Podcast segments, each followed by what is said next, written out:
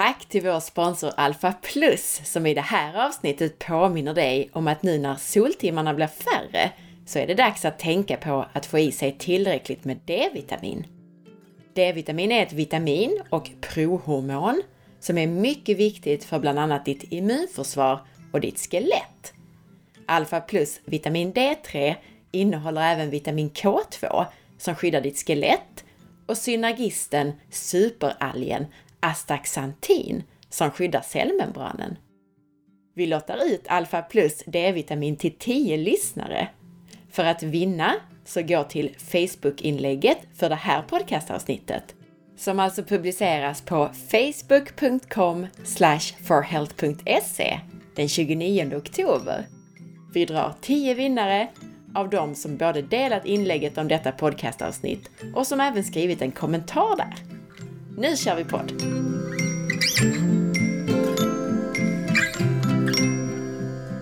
Hej och välkommen till For Health med Anna Sparre!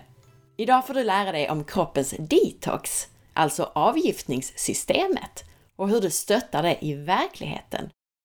För nej, det är inte en tillfällig detoxkur som avgiftar kroppen, utan en process som pågår hela tiden i din kropp.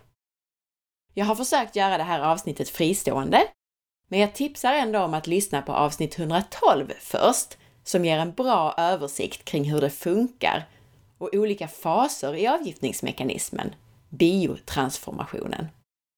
Det var verkligen roligt att det avsnittet blev så populärt. Alltså att ni också tycker att det här är ett spännande ämne. I det här avsnittet, avsnitt 114, så fördjupar vi oss och nördar ner oss lite innan vi pratar om kost och tillskott och annat för att stötta avgiftningen i kroppen. Om du är nyfiken efter avsnittet så hittar du mer information på forhealth.se. Om du gillar det här avsnittet så blir jag så glad om du vill dela med dig av det, till exempel på Facebook eller till en vän. Stort tack på förhand! Veckans recension i iTunes är från Nora Westman som skriver Bästa podden! Jag har precis hittat fram till denna podd och jag är helt såld. Grym podd! Mycket intressanta ämnen och bra tips. Har lärt mig en himla massa nytt. Tack! Lyssnar på podden nästan varje dag när jag promenerar till jobbet.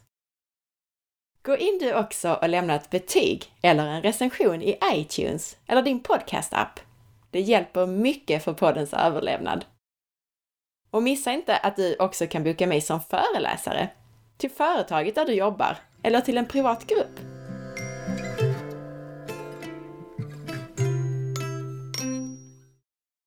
Jag gör några stycken avsnitt på temat detox, där vi inte pratar flummiga cleansingkurer, utan faktiskt förklarar hur kroppen använder sina avgiftningsfunktioner och hur man kan supporta dem på olika sätt.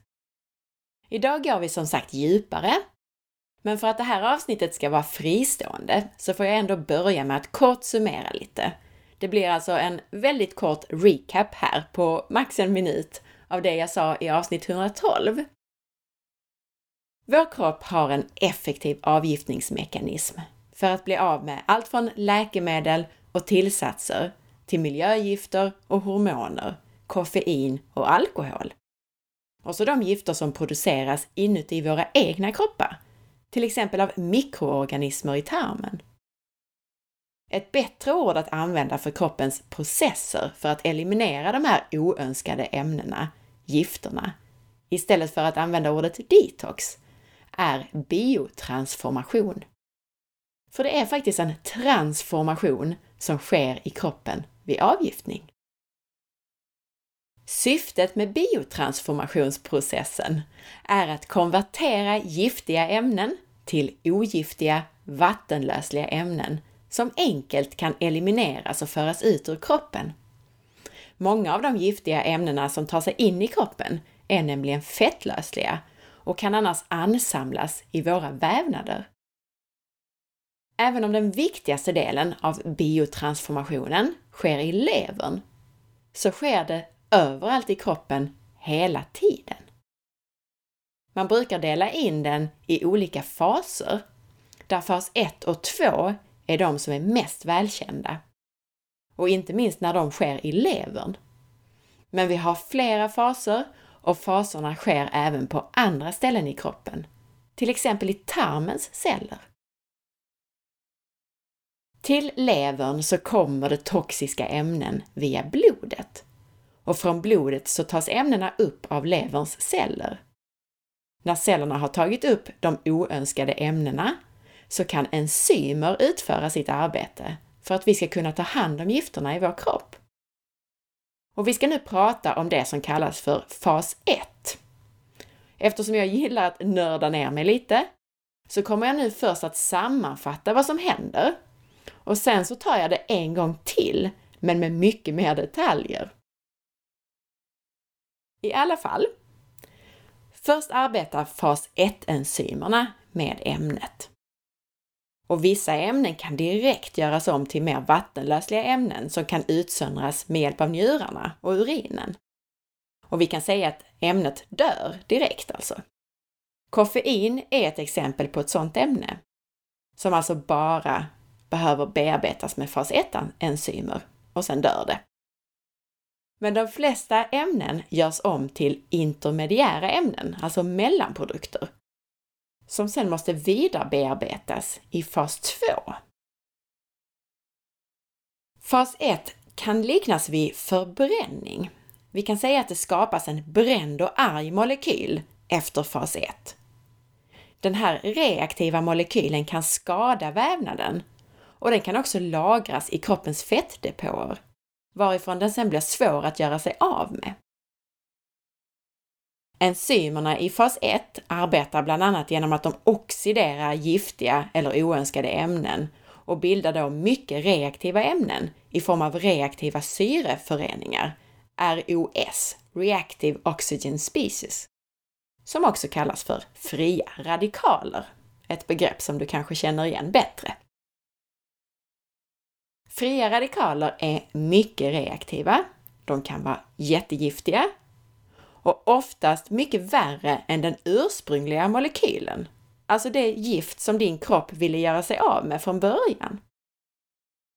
De skadliga effekterna av de här mellanprodukterna, ofta fria radikaler alltså, de hanteras av antioxidanter och genom att fas 2 snabbt börjar agera på ämnena. När vi utsätts för en stor belastning av giftiga ämnen och antioxidanterna och fas 2 inte hinner ta hand om de här reaktiva ämnena tillräckligt snabbt, så kan vi må väldigt dåligt. Vi kan bli utmattade och vi kan få olika hälsobesvär. En för långsam fas 1-avgiftning gör att gifter stannar längre i kroppen och har bland annat kopplats samman med överkänslighet mot kemikalier men en för snabb fas 1-avgiftning skapar de här reaktiva mellanprodukterna och har kopplats till skador på DNA.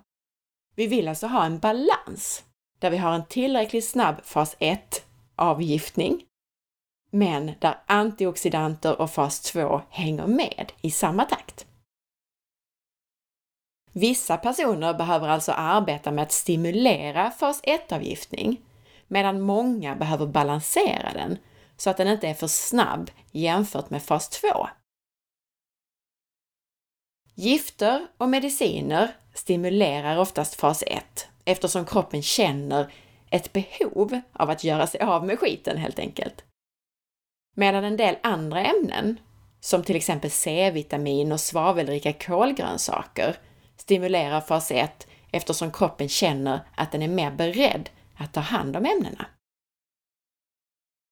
I fas 2 agerar sedan antioxidanter och eller då fas 2-enzymer på ämnet. Men innan vi rullar in och pratar om fas 2 så ska jag dyka ner lite på detaljer kring det här med fas 1. Jag kommer alltså att ta det jag precis sa en gång till, men med en massa detaljer. Och om du tycker att det är för svårt eller krångligt och att jag använder massa krångliga begrepp, så gör det ingenting.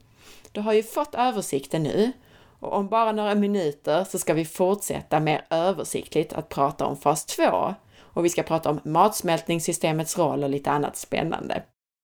Men alltså, först lite detaljer kring fas 1. Det som händer i fas 1 är att ämnena förändras med hjälp av funktionella föreningar. Till exempel så kan en karboxylgrupp fästas till ämnet, alternativ en hydroxylgrupp. Den känner du säkert igen, den brukar skrivas ut som OH.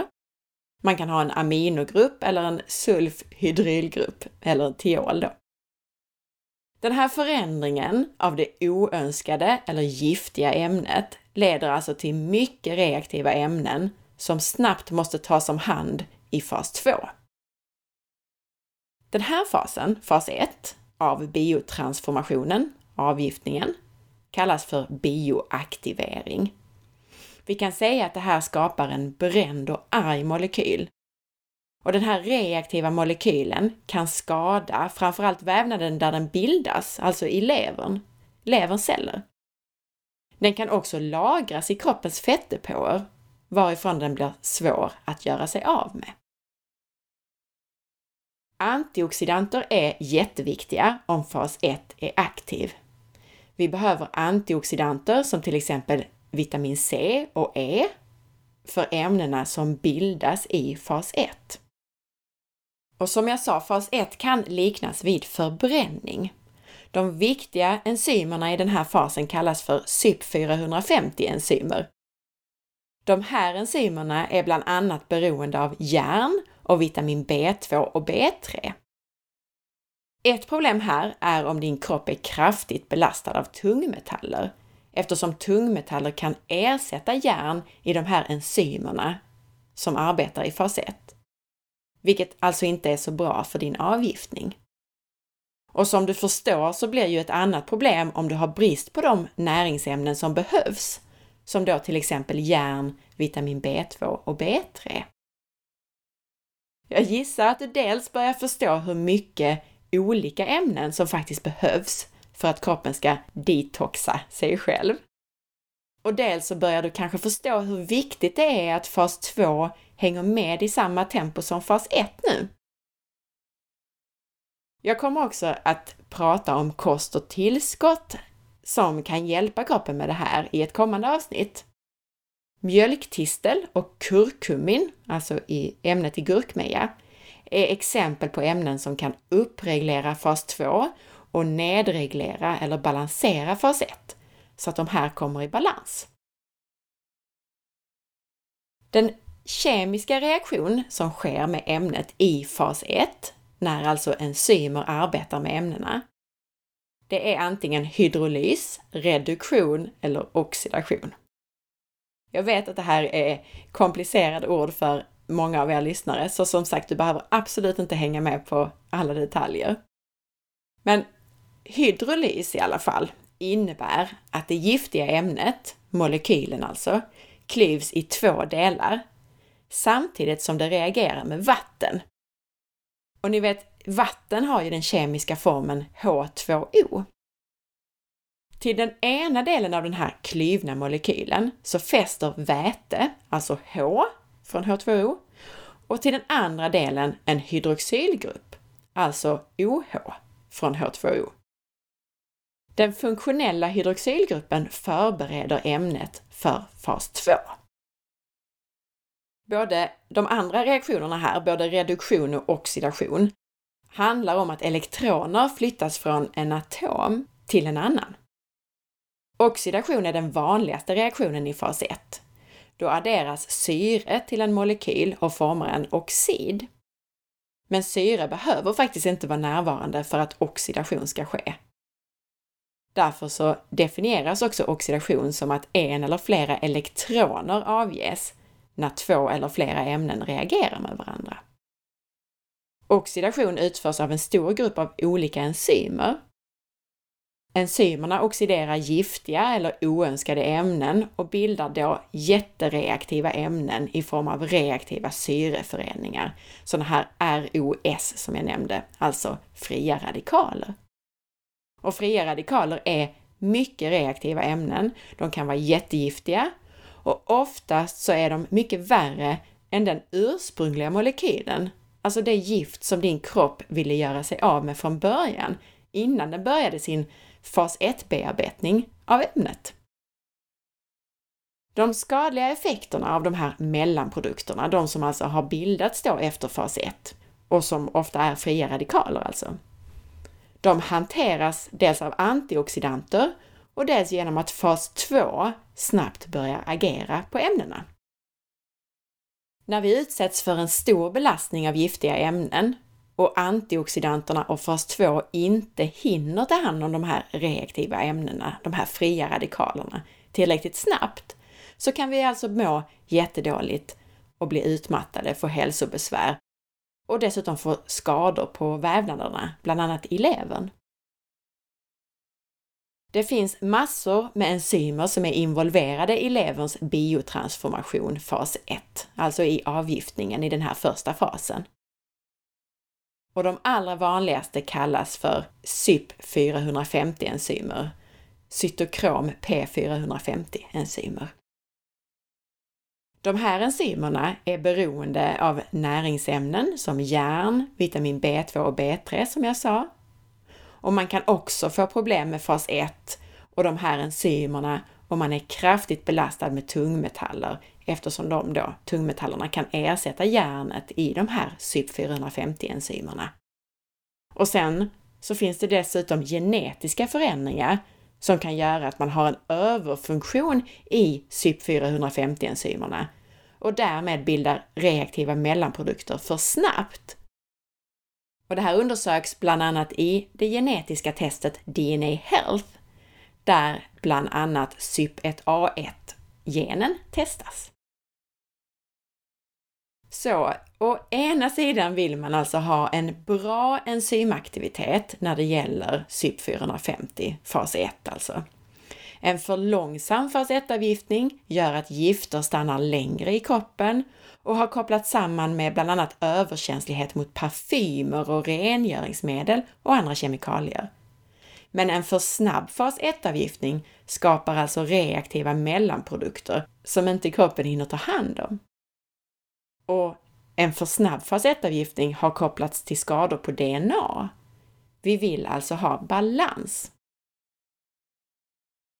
Saker som stimulerar enzymaktiviteten och snabbar på fas 1, vilket kan vara bra eller dåligt, det beror på om vi har en för snabb eller för långsam fas 1 alltså.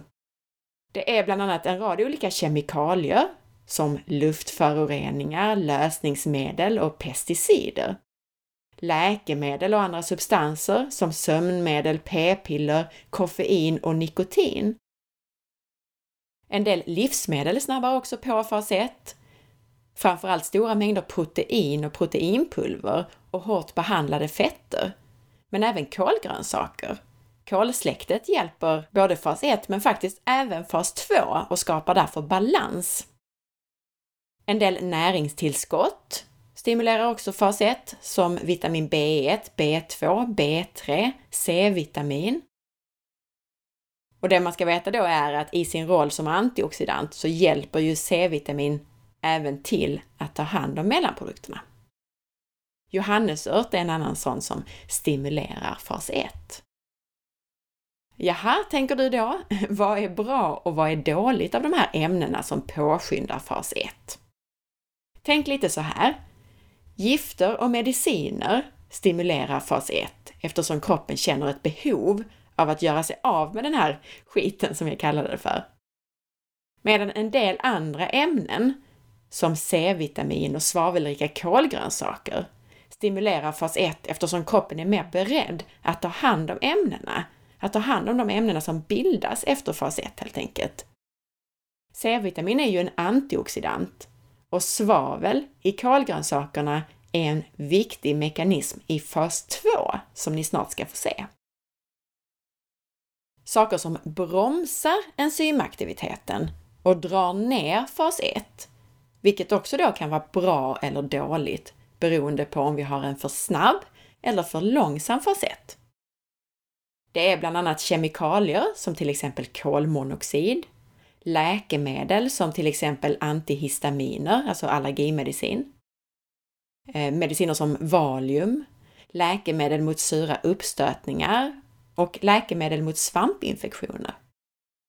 Vi har också vissa livsmedel som bromsar fas 1, som till exempel naringerin som är en fytokemikalie eller flavonoid i citrusfrukter.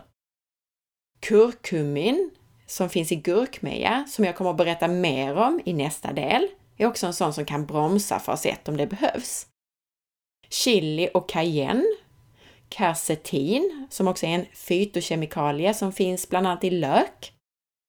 En del tillskott, som till exempel aminosyran N-acetylcystein, NAC, som jag också kommer att berätta mer om i nästa del. Det är också en sån som kan balansera fas 1 och fas 2. Endotoxiner, till exempel från tarmbakterier, är också något som kan bromsa och dra ner fas 1. Ålder och syrebrist. Och som sagt, i fas 2 så agerar sedan antioxidanter och eller fas 2-enzymer på ämnet.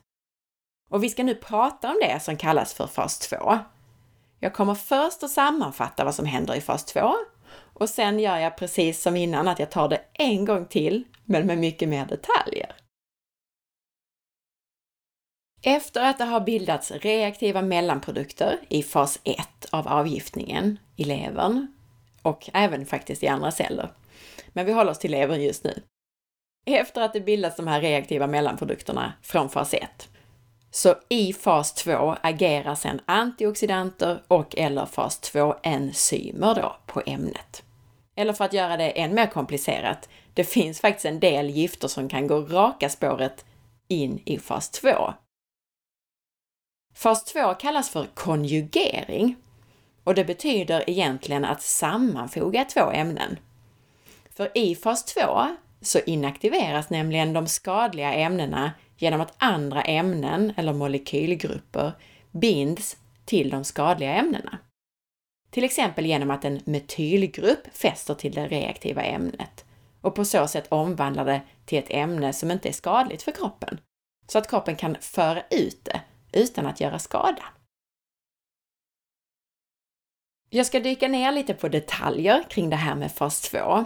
Och återigen, om du tycker att det är för svårt eller krångligt så gör det ingenting. Om bara ett par minuter så ska vi fortsätta mer översiktligt att prata om matsmältningssystemets roll och lite annat spännande. Men alltså, först lite detaljer kring fas 2. I fas 2, för att konjugera de skadliga ämnena, så använder kroppen enzymer som kallas för transferasenzymer. De här enzymerna för över kemiska grupper från ett ämne till ett annat. De transfererar alltså grupper som till exempel metylgrupper eller glutation och andra ämnen för att konjugera till och oskadliggöra gifter och reaktiva ämnen så att de kan föras ut ur kroppen.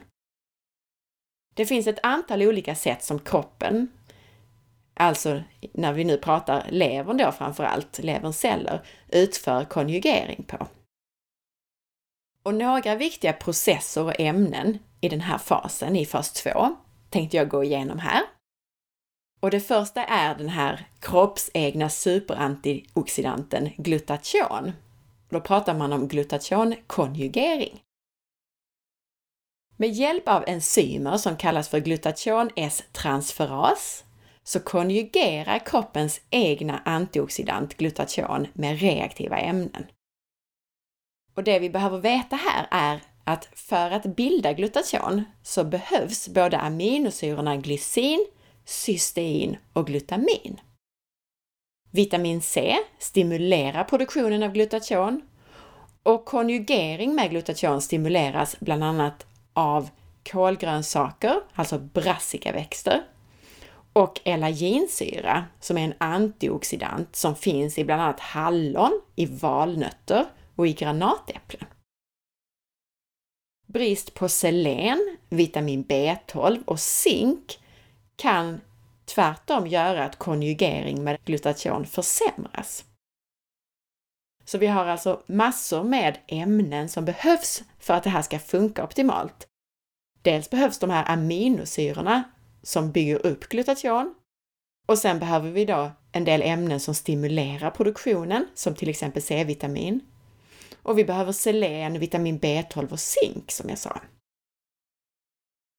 Sen finns det flera genetiska variationer som försämrar kroppens avgiftning med glutation. De här personerna kan inte avgifta så effektivt och har lägre tolerans för gifter. För glutation är ett av de viktigaste ämnena i hela kroppens avgiftning. Och några av de här genetiska varianterna de undersöks i hälsotestet DNA Health. De heter saker som GSTP1, GSTM1 och GSTT1. Och avsaknad eller variationer i någon av de här generna som kodar för sådana här transferasenzymer innebär att man har en sämre och långsammare konjugering med glutation.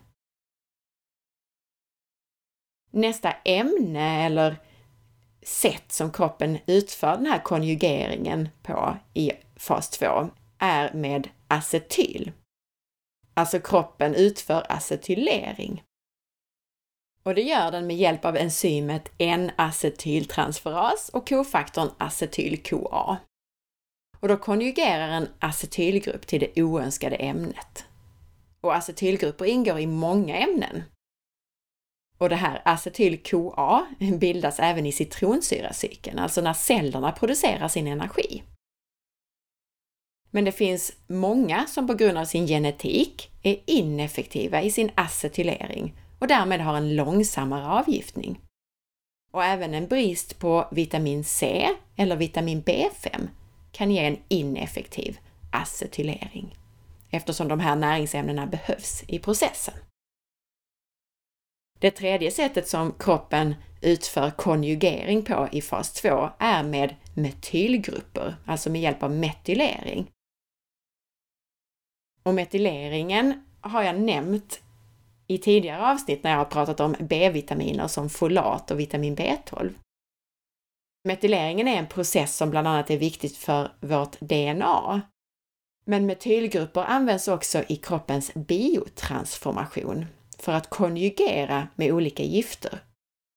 Och de flesta metylgrupper som används i kroppens avgiftning kommer från det som kallas för SAM, som kroppen bildar av aminosyran metionin med hjälp av vitamin B12 och folat. Så brist på något av de här näringsämnena gör den här avgiftningsmekanismen sämre.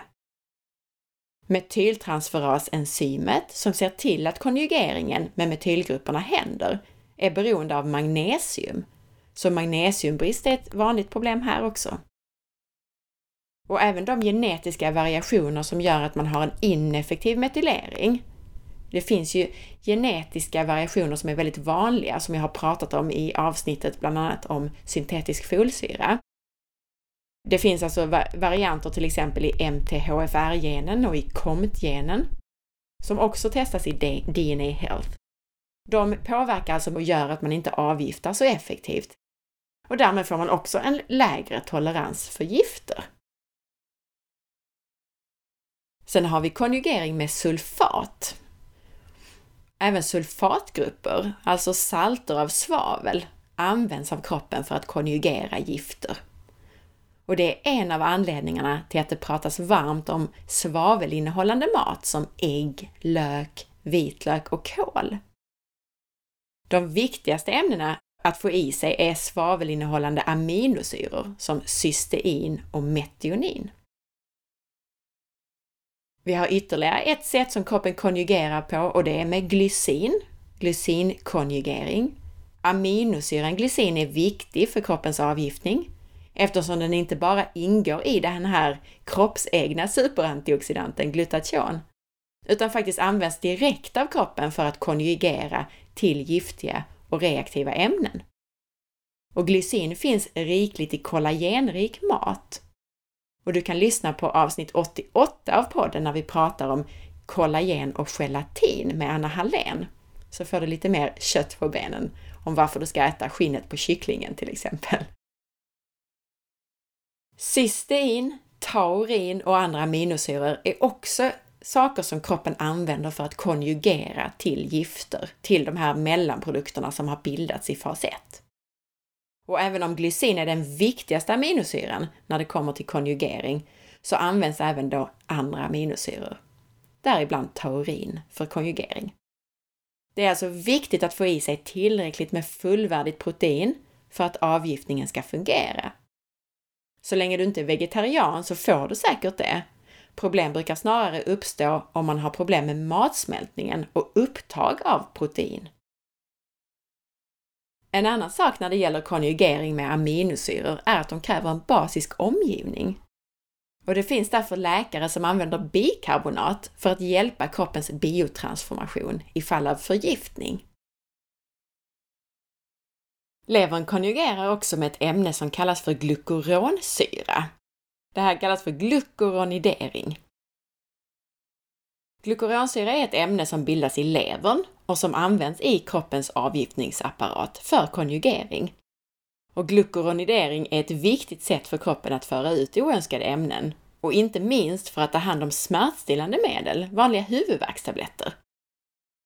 Glukuronsyra ska inte förväxlas med glukonsyra. Glukonsyra är ett ämne som bildas av glukos i mogna bär och frukter och som eventuellt också används i viss utsträckning i kroppens avgiftningsapparat. Jag är mindre kunnig här. Jag vet bara att om du googlar på ämnena så förväxlas de ofta. Men det kan vara värt att äta lite solmogna bär och frukter eller honung, för även glukonsyra som finns i de här livsmedlen har sina fördelar. Sådär ja, det var detaljerna om fas 2. Jag hoppas att ni stod ut med mig och allt det här krångliga. nu ska vi prata om matsmältningssystemet. Man pratar nästan enbart om levern när man pratar avgiftning och kroppens biotransformation. Men som du fick höra i förra avsnittet på temat detox så har vi många organ som är involverade i att ta hand om och föra ut gifter ur våra kroppar. Något som är väldigt viktigt för det här är vårt matsmältningssystem. Matsmältningssystemet processar över 25 ton mat under din livstid, vilket alltså är en enorm last som också innehåller gifter, xenobiotika alltså. Det mest självklara när det gäller matsmältningssystemets roll i avgiftning är nu avföringen. Alltså att vi för ut gifter via vår avföring. Galla som insöndras i tarmen för att spjälka fett är också ett ämne som binder till gifter och de konjugerade gifterna utsöndras sedan med avföringen. Det är viktigt att ha ett kontinuerligt utflöde för att gifter inte ska kunna återanvändas och tas upp i kroppen igen. Det är alltså viktigt att du bajsar tillräckligt mycket varje dag. Man ska också vara medveten om att patogener i tarmfloran, alltså sjukdomsframkallande mikrober, kan återaktivera gifter. Ett exempel på detta Lider du av dysbios, alltså har en obalanserad tarmflora med dåliga bakterier, så producerar de här bakterierna ett särskilt enzym som kallas beta-glukuronidas. Det här enzymet kan lösa upp konjugeringar, alltså frigöra de här reaktiva gifterna igen. Och de här gifterna kan återupptas, och då särskilt om du är förstoppad, så att gifterna stannar för länge i tarmen. Det viktigaste är givetvis att få bukt på tarmfloran. Men örten koriander och algen chlorella är livsmedel som hjälper mot den här återanvändningen av gifter i det här steget. Och mer om detta blir det i nästa avsnitt om detox när vi pratar mat och tillskott. Men det jag vill säga med matsmältningssystemet är att det inte bara är avföringen i sig som är en del av kroppens biotransformation. Även om tunntarmen i huvudsak är ett organ som absorberar näringsämnen från maten och för in dem i kroppen, så är den också väldigt viktig i avgiftningen. Det är dock mindre känt än det här att vi tar upp näring. Men tunntarmen har en viktig roll i att omsätta gifter, sån här xenobiotika. I tarmens celler så finns enzymer i samma familj som de som arbetar med gifter i levern, sådana här CYP450-enzymer. Och i cellerna i tarmen, som kallas för enterocyter, så sker fas 1 och fas 2-aktivitet på liknande sätt som i leverns celler. Förutom detta så finns det i tarmcellerna ytterligare en mekanism. Och på engelska brukar man prata om en antiport. Så jag vet inte hur vi ska uttala det här på svenska, men en, en antiporter kallar vi det för då. Den här mekanismen. Och den här antiporter är ett transportprotein, vilket i tarmcellerna, i enterocyterna, har som uppgift att direkt föra ut ovälkomna ämnen tillbaka till tarmen. Alltså, för att förtydliga, tarmens celler, enterocyterna, arbetar ju med att ta upp näring från maten och föra ut det i blodet så att det kan transporteras vidare dit det behövs. Men i de här cellerna så finns också en avgiftningsmekanism samt en mekanism som för tillbaka de ämnen som kroppen inte vill ta upp tillbaka ut i tarmen så att ämnena kan föras ut med avföringen. Och tilläggas ska att de oönskade ämnena ibland återupptas av enterocyterna, av tarmcellerna igen. Inte minst om vi har en för långsam matsmältning, alltså om vi är förstoppade. Och ibland så får ämnena cirkulera runt via den här anti-porter-mekanismen tills de fas 1-avgiftningsenzymerna inne i tarmcellerna, som faktiskt kallas för CYP3A4-enzymer, tills de har tid att ta hand om de giftiga ämnena. Visst är kroppen fantastisk? Olika individers förmåga att avgifta kroppen varierar mycket. Vi är individer och har också olika biokemi. Och det är dels genetiskt, som jag har pratat om tidigare, så finns det flera genetiska egenskaper som kan göra att man har nedsatt avgiftningsförmåga. Du kan till exempel ha gener som gör att enzymerna från familjen glutation S-transferas har nedsatt effektivitet, vilket gör att du har nedsatt avgiftningsförmåga och sämre tolerans för gifter. Men vissa personer har blockeringar i sin avgiftningsfunktion på grund av brister på vitaminer, aminosyror eller något annat ämne. Och dessutom så har vi varit olika mycket exponerade för gifter och kemikalier under vår livstid. Och personer med ökad tarmpermeabilitet blir ju mer exponerade för gifter eftersom oönskade ämnen tas upp ur tarmen och in i blodomloppet. Det finns studier som indikerar ett samband mellan kroppens förmåga till biotransformation, det vill säga sin förmåga att rena sig från gifter. Det finns studier alltså som indikerar ett samband mellan den här förmågan och sjukdomstillstånd eller hälsoproblem, som till exempel utmattning, det som vi kallar för trötta binjurar, fibromyalgi och överkänslighet mot olika kemikalier. Och det kommer också allt mer indikationer på att begränsningar i avgiftningsmekanismen i kroppen är kopplat till neurologiska sjukdomar som Parkinsons sjukdom och även till cancer. Sådär, jag tror att vi får hålla lite här. Jag hoppas att du inte tyckte att det blev alldeles för krångligt idag. Det blev det säkert, men jag hoppas att du höll för öronen och lyssnade på det som, som funkade för dig. Som sagt så behöver man inte förstå och komma ihåg allt. Men jag tycker att det är nyttigt att få höra vad som faktiskt händer i kroppen för att få en förståelse för hur avancerad kroppen är. Och för att kunna ta ställning till om ni tror på den där detoxkuren som säljs dyrt med stora lovord. Jag gissar att du har förstått vad min inställning är till sådana tillfälliga kurer vid det här laget. I kommande avsnitt på temat detox, ett avsnitt som jag tror kommer om två till tre veckor, så kommer det inte alls bli särskilt krångligt. Tvärtom blir det nog det du kommer att tycka bäst om. Jag kommer att fokusera på hur vi kan stötta levern och avgiftningsmekanismen i kroppen med kost och tillskott. Missa nu inte heller det viktigaste, nämligen att inte belasta kroppen med så mycket gifter överhuvudtaget. Lyssna på avsnitt 108 och 110 om hur du giftbantar. Tack för att du lyssnade idag! Jag hoppas att du gillar det här temat. Och gör du det så dela gärna avsnittet och tipsa den som kan vara intresserad. Du kan också dela inlägget om avsnittet på For Healths Facebook-sida som du hittar på facebook.com forhealth.se. Och missa inte heller att följa med på forhealth.se och på Instagram via signaturen A. Sparre. Gå gärna in i iTunes eller i din app på mobilen och lämna ditt betyg eller recension på podden. Vi hörs om en vecka! Ha en riktigt bra dag och ta hand om dig. Hejdå!